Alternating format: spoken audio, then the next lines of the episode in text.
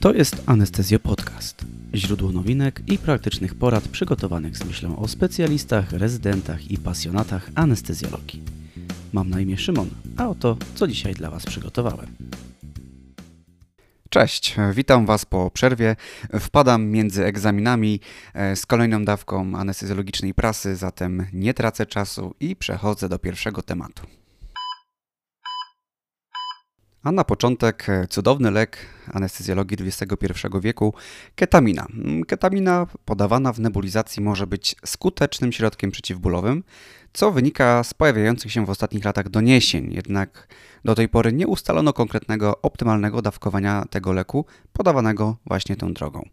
W poszukiwaniu odpowiedzi na ten problem możemy zajrzeć do pracy z Annals of Emergency Medicine, w której e, autorzy pracy postanowili porównać skuteczność nebulizacji ketaminy z dawkami 0,75 mg na kilogram, 1 mg i 1,5 mg na kilogram masy ciała ketaminy.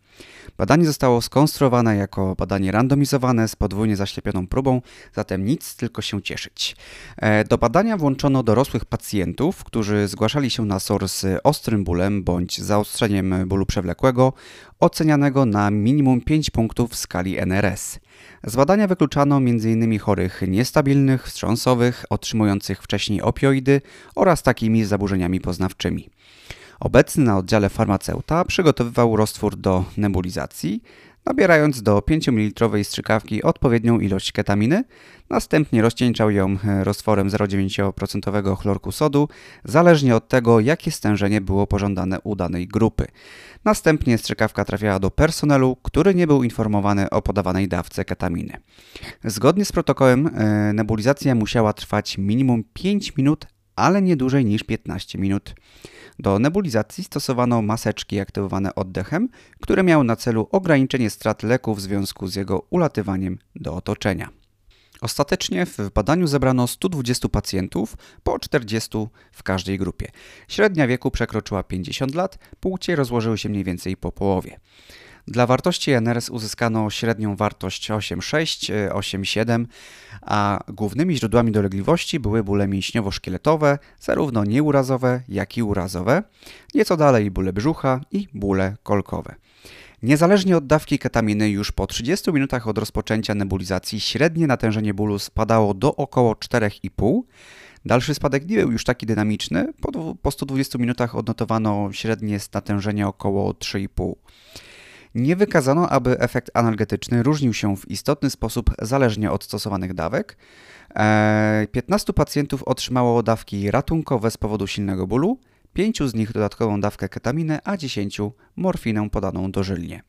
Nie odnotowano żadnych niepokojących objawów związanych z podaniem ketaminy. Część pacjentów odczuwała zmęczenie, zawroty głowy, utrzymujące się do około pół godziny. Zdaniem autorów dynamika spadku natężenia bólu nie odbiega od innych badań, w których ketamina była podawana dożylnie. Wyniki zdają się być zgodne także z badaniami, w których ketaminę podawano donosowo. Nebulizacja może być przydatną alternatywną drogą, e, na przykład w sytuacji, gdy mamy problem z dostępem naczyniowym, czy też pacjent odmawia podaży donosowej. A co z ketaminą w, na podwórku anestezjologicznym? Autorzy wspomnieli także o badaniach, których e, ketamina podawana w nebulizacji e, skutecznie redukowała pointubacyjny ból gardła. Pacjenci otyli na e, OIT-ach stanowią pewne wyzwanie, nie ma co się ukrywać, szczególnie dla zespołu pielęgniarskiego. E, w przypadku pacjentów z ARDS-em dodatkowym problemem jest pronowanie chorych. No tutaj dodatkowe ręce do pomocy będą jak najbardziej mile widziane. Czy w przypadku terapii ECMO osoby otyłe mają gorsze wyniki leczenia? Analiza 335 przypadków e, leczonych e, w Bostonie w latach 2009-2019, u których stosowano ECMO tętniczo-żylne z powodu obornego wstrząsu kardiogennego, nie wykazała, aby BMI w jakiś sposób korelowało z czasem przeżycia czy ilością wypisów ze szpitala. Co mówią szczegóły tego badania? E, w badanej grupie tylko 26% pacjentów miało BMI prawidłowe, czyli od 18,5 do 25 e, mg na kilogram na metr kwadrat. 33% pacjentów miało nadwagę, a aż 38% było otyłych, czyli BMI wyniosło powyżej 30. W tej grupie dominowała otyłość pierwszego stopnia, e, to było około 24% e, pacjentów, a po mniej więcej 5 miało otyłość drugiego lub trzeciego stopnia. No niestety, otyłość to choroba, która z roku na rok dotyka coraz większą populację. E, no jest to uznany czynnik ryzyka chorób sercowo-naczyniowych. E, nadciśnienie i hiperlipidemia u tych pacjentów e, w, tej, w tym badaniu występowała w mniej więcej 42% i 32% dla prawidłowego BMI oraz 79 i 42% u pacjentów z otyłością trzeciego stopnia. Podobnie częściej u otyłych obserwowano chorobę wieńcową czy cukrzycę.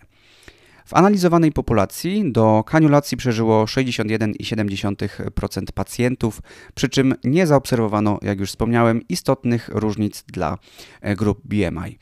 E, podobnie nie wykazano istotności dla przeżycia 30-dniowego, e, to było około 45,5% oraz przeżywalności do wypisu niecałe 39%. Nie oznacza to jednak, że otyłość w żaden sposób nie ma związku z skutecznością terapii ECMO. E, w przypadku ECMO żylnotętniczego, VIA, e, u osób otyłych częściej występują problemy z utrzymaniem adekwatnych przepływów, e, trudności w kaniulacji tych chorych, no przez co część ośrodków chorych otyłych dyskwalifikuje. Niestety nie mamy w tym artykule informacji co do częstości powikłań kaniulacji czy też powikłań niedokrwiennych. Autorzy zwracają uwagę, że w przypadku chorych poza ECMO osoby otyłe e, osiągają nieznacznie lepsze wyniki, jeżeli chodzi o czas przeżycia, np. Y, dla wstrząsu kardiogennego, septycznego. Przywołuje się hipotezy, e, na podstawie których y, otyłość może mieć pewne działanie protekcyjne, e, co może wynikać ze zwiększonej rezerwy odżywczej, metabolicznej z powodu e, większej ilości tkanki tłuszczowej. U osób otyłych obserwowano także mniejsze stężenie cytokin prozapalnych we krwi. E, Warto wspomnieć też o, oczywiście o podstawowej na intensywnej terapii e, wersji ECMO, czyli ECMO żylnożylnym, e, dla którego badań jest znacznie więcej, które również zdają się nie wskazywać istotnych różnic w zależności od masy ciała pacjenta. Od wielu lat e, bada się wpływ przebytego znieczulenia ogólnego na funkcje poznawcze, szczególnie u pacjentów pediatrycznych i osób starszych. Być może to nie wcale znieczulenie ogólne wpływa na procesy w układzie nerwowym, być może to czynniki związane z samym zabiegiem. Jasnej odpowiedzi nie ma i pewnie długo jej nie poznamy. E, pasjonatów tego tematu może zaciekawić eksperyment, w którym zdrowych ochotników poddano dwugodzinnemu znieczuleniu ogólnemu i obserwowano następnie tempo, w jakim ich stan powracał do tego sprzed znieczulenia. Co ciekawe, do badania zgłosiło się aż 1416 potencjalnych kandydatów, z których ostatecznie po weryfikacji kryteriów pozostało tylko 71 ochotników. E, kryteriami włączenia do badania był wiek między 40 a 80, e, status ASA 1 oraz 2, brak zaburzeń poznawczych. Wykluczano tutaj e, palaczy, osoby przyjmujące narkotyki, czy też E, chorujący na jednostki, które w jakikolwiek sposób mogą zaburzyć funkcjonowanie mózgu. Kandydatów poddawano licznym testom psychologicznym e, sprawdzającymi e, zdolności poznawcze, a także wykonywano im liczne rezonanse magnetyczne. Przebieg znieczulenia był wystandaryzowany, indukcję wykonywano z użyciem propofolu, zakładano maskę krtaniową, a następnie podawano im sewofluran, e, minimum w stężeniu 1 MAC pod kontrolą BIS w wartościach docelowych 40 a 60. W trakcie znieczulenia również wykonywano kilka skanów z użyciem rezonansu. Ciśnienie utrzymywano w zakresie plus minus 20% względem wartości wyjściowej, w razie potrzeby zapodając efedryny lub fenylefryny. Podczas znieczulenia nie stosowano e, opioidów, benzodiazepin czy środków zwietrzających. E, jedynie pod koniec znieczulenia e, podawano pacjentom 4 mg ondancetronu dla zmniejszenia ryzyka wymiotów i nudności. Większość pacjentów w ciągu 15 minut wybudziła się ze znieczulenia, można powiedzieć, na wizus w sposób pełny. Po tym czasie wykonywano ocenę według skali PQRS, Postoperative Quality Recovery Scale, która ocenia parametry życiowe, natężenie bólu, nudności oraz stan psychiczny, aby ocenić poziom powrotu stanu wyjściowego funkcji poznawczych sprzed znieczulenia. W ramach skali ocenia się m.in. orientację co do miejsca, przestrzeni, e, wykonywanie poleceń, na przykład prosimy pacjenta, aby dotknął nos palcem, czy też powtórzył cyfry, które mu przeczytamy. E, pomiary to wykonywano powtarzalnie co jakiś czas, obserwując po jakim czasie pacjenci wracają do pełnej formy wyjściowej. E, Analiza wyników pokazała, że czas powrotu wszystkich funkcji nie był związany w żaden sposób z wiekiem badanych. U 91% pacjentów pełny powrót funkcji nastąpił w ciągu jednego dnia od znieczulenia. Dwóch badanych nie powróciło do wyniku sprzed e, znieczulenia w ciągu 30 dni. Stało się to dopiero na e, kontroli po 6 miesiącach. Nie stwierdzono, aby e, w tych dwóch przypadkach doszło do pomyłki w pierwotnym teście, ponieważ wyniki tych pacjentów mieściły się w widełkach dla ich wieku. Oprócz braku istotnych różnic dla oceny w skali PQRS, nie odnotowano także innych odtyleń w pozostałych stosowanych przez badaczy testach kognitywnych. Należy pamiętać, że mm, no cóż, ochotnicy to były osoby zdrowe, tak, bez jakichś istotnych problemów zdrowotnych. No a y, jednak różnią się oni niż osoby operowane, osoby chore przewlekle, z zespołem kruchości, z zaburzoną homeostazą dla których no, stres związany z zabiegiem operacyjnym czy znieczuleniem może już spowodować istotne zaburzenia e, e, czynności poznawczych. E, warto wspomnieć też, że no, wykorzystywano tutaj tylko propofol i sevofluran, e, które no, raczej e, e, nie są jedynymi środkami stosowanymi przy, przy większych zabiegach operacyjnych. No cóż, na ten moment wydaje się, iż samo znieczulenie w sobie nie jest istotnym czynnikiem e, ryzyka pooperacyjnych zaburzeń poznawczych. W ostatnich tygodniach e, w oficjalnym czasopiśmie Polskiego Towarzystwa Anestezjologii i Intensywnej Terapii, a, czyli Anesthesiology Intensive Therapy pod redakcją profesora Owczuka, opublikowano nowe wytyczne dotyczące dwóch ważnych zagadnień: postępowania w terapii daremnej u dzieci oraz wytyczne o zapobieganiu hipotermii okooperacyjnej. W przypadku e, terapii daremnej dysponujemy dobrymi, ogólnymi wytycznymi z 2014 roku, jednak e, anestezjolodzy dziecięcy e, no, mieli potrzebę doprecyzowania wytycznych w stosunku do populacji pediatrycznej, no, istniejące wytyczne Polskiego Towarzystwa Pediatrycznego, Towarzystwa Neonatologów nie poruszały wszystkich zagadnień związanych ze specyfiką e, leczenia dzieci na intensywnej terapii pediatrycznej. W dokumencie znajdziemy przykłady sytuacji, stanów chorobowych, co do których istnieje ryzyko prowadzenia terapii daremnej, co, co może być e, tutaj rzeczywiście dobrą wskazówką dla e, klinicystów. Do takich sytuacji należą m.in. zespoły genetyczne, np. zespół Edwardsa, zespół Patała, E, prowadzące do zgonu w krótkim czasie od narodzin.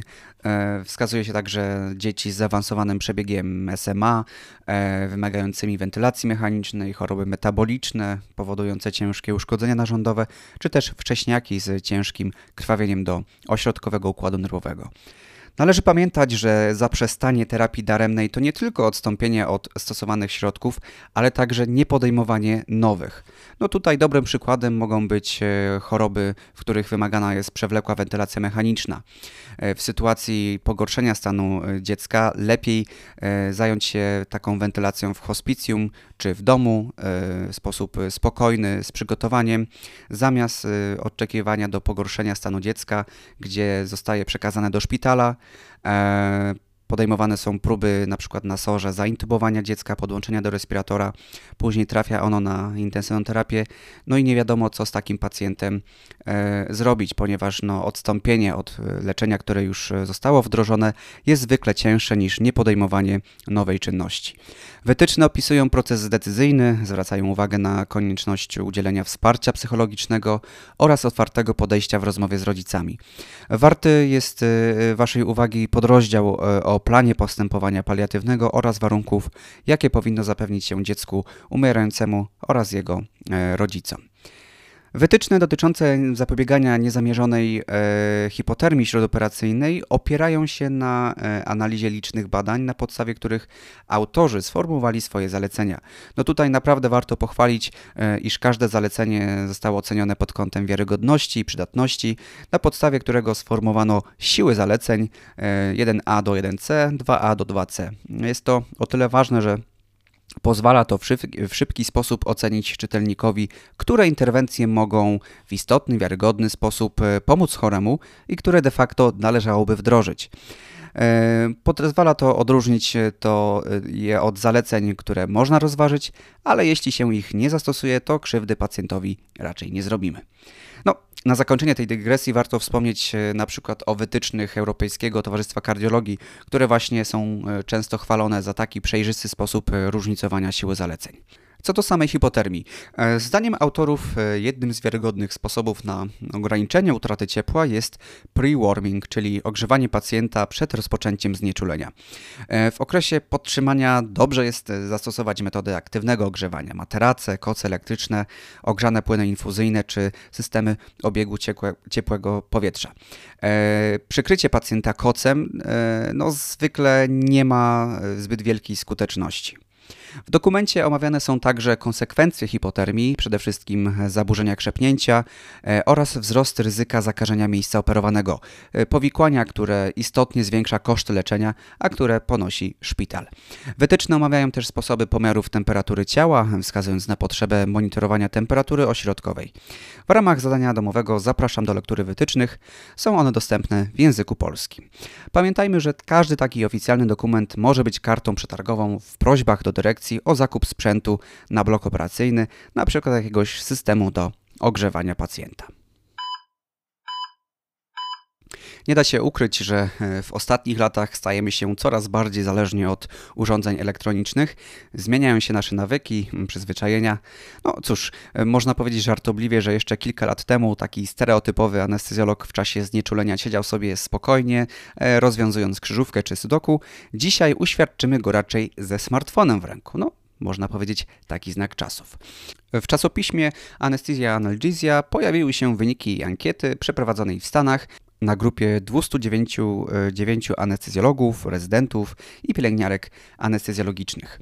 E, zanim przejdę dalej, może takie pytanie troszeczkę prowokacyjne e, do każdego z Was, abyś, drogi słuchaczu, zastanowił się, jak często używasz smartfona, zarówno w domu, jak i w pracy, na przerwie, przy obiedzie w dyżurce, czy też w końcu podczas nieczulania. Czy możesz bez problemu zostawić go na pewną chwilę, czy jednak nie odczuwasz potrzeby, żeby do tego telefonu wrócić. No więc, y, rachunek sumienia każdy z Was musi sobie zrobić samemu. E, wracamy do artykułu. E, autorzy badania opracowali kwestionariusz e, zawierający 31 pytań związanych z wykorzystaniem urządzeń mobilnych. No, co ciekawe, ankietowani mieli ocenić nie tylko siebie, ale też osoby z ich otoczenia. W ankiecie uwzględniono pytania dotyczące znajomości szpitalnych zaleceń e, odnośnie korzystania ze sprzętu, e, sytuacjach, w których zauważyli rozkojarzenie związane z użyciem smartfona, czy też o potencjalnych konsekwencjach prawnych pomyłki, e, w której było zamieszanie związane z korzystaniem z takiego urządzenia. Spośród ankietowanych na sali operacyjnej 24% wysyłało wiadomości, 5% rozmawiało przez telefon, a 11% przeglądało internet internet. E, poza salą operacyjną no, procenty były większe. 88% e, wysyłało wiadomości, 26% rozmawiało przez telefon, a 63% przeglądało internet. No, ciekawie reprezentują się e, odpowiedzi na pytanie o obserwowaną częstość korzystania z telefonu u innych osób. Mm, według ankietowanych ich zdaniem na sali operacyjnej 52% innych osób zajmowały się wysyłaniem wiadomości, 14 rozmawiało przez telefon, a 34% przeglądało internet. No, świadczy to tylko o tym, iż e, ankietowani byli w swoich własnych opiniach bardziej wstrzemięźliwi niż otoczenie. No, jednakże możemy śmiało założyć, że jest to jednak jakaś forma biasu, tendencji do wybielania siebie względem innych. E, interesujące jest też to, że aż 71% ankietowanych słyszało z sytuacji, e, w której korzystanie z telefonu było zamieszane w sprawę, e, która doprowadziła do pozwu. Tylko 2% badanych uznało, że są rozproszeni urządzeniami, a 15% dostrzegło to u współpracowników. Korzystanie z telefonu może doprowadzić do uzależnienia behawioralnego. 31% badanych próbowało ograniczyć korzystanie ze smartfona, a 21% odczuwało potrzebę sięgnięcia po niego ponownie zaraz po jego odłożeniu. Zaobserwowano, no chyba bez zaskoczenia, że częściej z telefonów korzystali młodsi ankietowani, w szczególności rezydenci. E, jednak e, różnice te wykazano tylko dla korzystania z telefonu poza salą operacyjną. W tureckim badaniu z 2016 roku aż 94% anestezjologów e, przyznało się do korzystania z telefonu w trakcie znieczulenia. Najczęściej telefon wykorzystywano do wykonywania rozmów 65%, wysyłania wiadomości 46%, czy też przeglądania internetu i e, social mediów 34%. 87% e, badanych deklarowało, że nigdy nie byli rozproszeni z powodu telefonu, jednak aż 41% zauważyło rozkojarzenie u innych osób. Telefony to nie jest zło wcielone, oczywiście. E, autorzy przywołują inne badanie, e, w którym opisano, że wykorzystanie telefonu zamiast pagerów e, do komunikacji wewnątrzszpitalnej znacząco zmniejszyło opóźnienia i ryzyko popełnienia błędów medycznych. Tak czy owak, jak korzystacie z telefonów, pamiętajcie, że jest to straszny rezerwuar wielu bakterii, stąd i im przyda się co jakiś czas porządna dezynfekcja. No i błagam Was, nie odbierajcie telefonu w rękawiczkach. No ale to chyba dla wszystkich jasne, co nie? Na koniec e, podrzucam e, kilka artykułów w otwartym dostępie, które mogą Was zaciekawić. Pierwszy dotyczy e, regulacji prawnych związanych z końcem życia w Korei Południowej, które no, zdecydowanie poprawiły w jakiś sposób jakość umierania. Wynika to z tego, że anestezjolodzy, intensywiści, mając do dyspozycji określone prawem wytyczne związane z terapią daremną, są bardziej skłonni unikania uporczywości e, terapii. E, drugi artykuł dotyczy e, toksyny botulinowej i jej zastosowania w, w blokadach regionalnych, w zespołach wieloobjawowego bólu miejscowego, czyli tak zwanego mm, zespołu Sudeka. Wykazano, że zastosowanie tej toksyny może zwiększyć skuteczność i wydłużyć czas trwania blokady nawet do wielu tygodni. E, podrzucam także e, dwa artykuły obawiające wpływ pandemii na pracowników ochrony zdrowia, oczywiście e, tylko dla odważnych. No i na koniec jeden artykuł, w którym wykazano o dziwo, że przestrzeganie wytycznych ma wymierne korzyści co do zapewnienia bezpieczeństwa pacjentów. I to tyle w dzisiejszym odcinku Prasówki. Ja pochłaniam się przygotowaniom do leku. E, wam życzę wszystkiego dobrego w tym roku, ponieważ nie mieliśmy jeszcze okazji e, w tym roku się słyszeć. E, nie obiecuję, że przyszły odcinek Prasówki pojawi się mm, za 4 tygodnie, jak to zwykle bywa, ale mam nadzieję, że usłyszymy się już niebawem.